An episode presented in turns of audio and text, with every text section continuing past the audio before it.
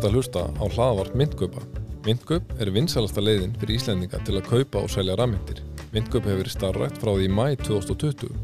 Myndgöp leggur áherslu á einfalleika, þægindi og fljóturni. Þú getur sótt myndgöpsappið í App Store eða Play Store nú eða farið á myndgöp.is. Skráningaferðli er einfalt, þú einfalla skráir þið með rafrænu skilíkjum, leggur inn pening og getur keiftir bitcoin á örfáum mínútum og bæst hann í hóp fyrir en 12.000 íslendinga til að velja myndgöp sem leiðina inn í hinn spennandi heim rafmynda. Komið sæl, kærlusundur, og velkomin í hlaðvarp myndgöpa. Í dag ætlum við að fjallum stórar og heldur betur jákvæðar fréttir um bitcoin. Þeir sem hafa verið að fylgjast með verðhefingum undan fann daga og vikur eru meðvitaður um að Bitcoin hefur hækkaði meir en 20% síðustu daga og rofið þannig 30.000 dólar á múrin. Eftir snarpar lækkanir í kjölfari lögsókna bandariska verbreyaftilitsins SEC á hendur Binance og Coinbase eins og fjalla var um í síðasta fréttáni hjá okkur. Í þetta sinn er það augljóst hvað veldur þessum miklu verðhækkunum. BlackRock, stærst eignastýringaðal í heimi með yfir 9.000 miljardar bandaríkadólar í stýringu, hefur lagt inn umsókn um Bitcoin kaupallarsjóð hjá bandaríska verbreytilitinu sem en gera fjárfæstum kleifta að fjárfæsta beint í Bitcoin. Þetta er það sem á ennsku nefni Spot ETF. Nú þegar eru til kaupallarsjóðir sem gera fjárfæstum kleifta að fjárfæsta í Bitcoin afleiðum en það eru þá svo nefndir Bitcoin Futures ETF. Verður að nefna umsóknin hefur enn ekki verið samþygt en BlackRock hefur fengið um það byrj 99,9% af sambarlegum umsóknum samþygt hjá SEC eða 575 af 576. BlackRock afhendi umsóknuna formulega 15. júni síðastliðin og 21. júni höfðu tveir aðrir aðeilar Invesco og Vistomtree bæst við og sóttum þið sama. Erfitt er að líta á þessar umsóknir með öðrum hætt en svo að hér séum enn eina ótvíraða staðfesting á því að leiðandi öll í hinnu hefðbunna fjármálakerfi taki Bitcoin alvarlega og séu þeirra skoðunar að Bitcoin sé komið til að vera og vaksa, svona ef einhver skildi ennþá vera að efast um það.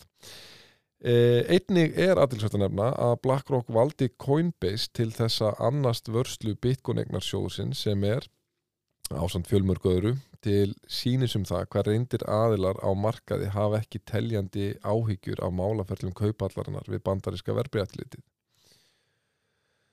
En uh, hvað þýðir þetta allt saman og hver er munurinn á Spot ETF og Futures ETF?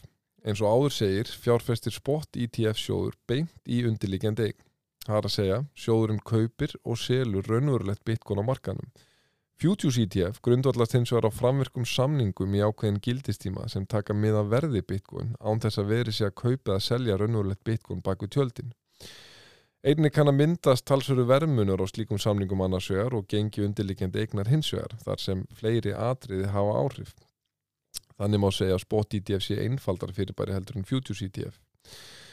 Í sögulegu samingi má segja að tilkoma spot ETF hafi haft mjög jákvæð áhrif á verðþróun undirlikjandi egnar. Til samanbörum má nefna að fyrsti spot ETF fyrir gull var settur á lakkinar árið 2004 en uh, þá kostaði unsan af gullum 400 dólara. Árið 2012 fór gengi unsunar í tæpa 1700 dólara uh, sem er þá meirinn fjórföldun á uh, innan við 10 árum. Það verður því áhvert að sjá hvað gerist með gengi bitcoin á næsta árum. Uh, Framagreitar umsóknir um kaupallasjóði er ekki einu markverðu fréttinar. Í vikunni var einnig tilkynnt um nýja rafmyndakaupall í bandaríkjónum en hún heitir EDX Markets. Mun kaupallin í fyrstu aðeins bjóða upp á virskiti með Bitcoin, Ethereum, Litecoin og Bitcoin Cash. Um, þetta væri kannski ekki frásögu færandi nema fyrir þær sakir að aðilanir sem standa á baku kaupallina eru einnig virtir aðilar í hennu hefðbunna fjármálakerfi. Fidelity Digital Assets, Citadel Securities og Charles Schwab. Bjart sínustu rattir tala um að allt þetta gæti markað endalók bjarnamarkaðins og nú sé nýr bólamarkaður að hefjast. Því til stuðnings má einnig nefna að verðbólka virðist vera hjaðna í bandaríkunum og hlutabriðamarkaður þar í landi hafa náð sér á sæmilegt stryk.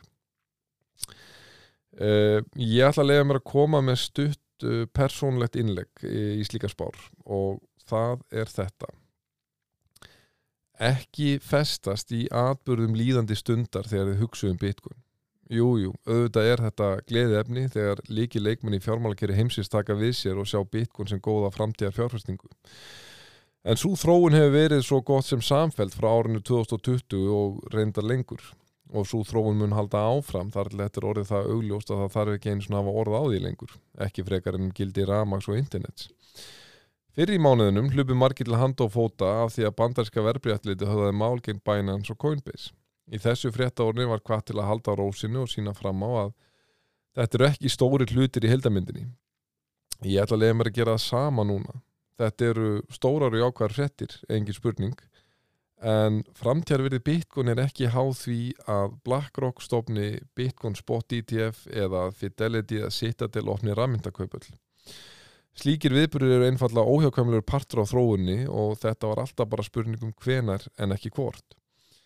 Það sem gerir Bitcoin óstöðandi, að minnst okkur eins og við hjá myndkaupum sjáum þetta, er það sem við hefum alltaf sagt. Bitcoin er dreifstýrur og frjálspenningur í fyrirfram ákveðnu magni og er þannig nöðsilegt mótvægi við miðstýra og síútinda þjóðargjaldmila samtímans. Fleiri og fleiri finna fyrir ókostum hinn að hefðbunni gjaldmila og fyrir vikimunu fleiri og fleiri sjá kosti Bitcoin blasa ljóslega við. Þetta var mitt innlegg, eh, svona mín 2 cent eins og sagt er, þið bara velti þessu fyrir ykkur og komist það ekkar eigin eh, niðurstuðu en uh, ég ætla ekki að hafa þetta lengra sinni. Uh, þangar næst, verið sæl og takk fyrir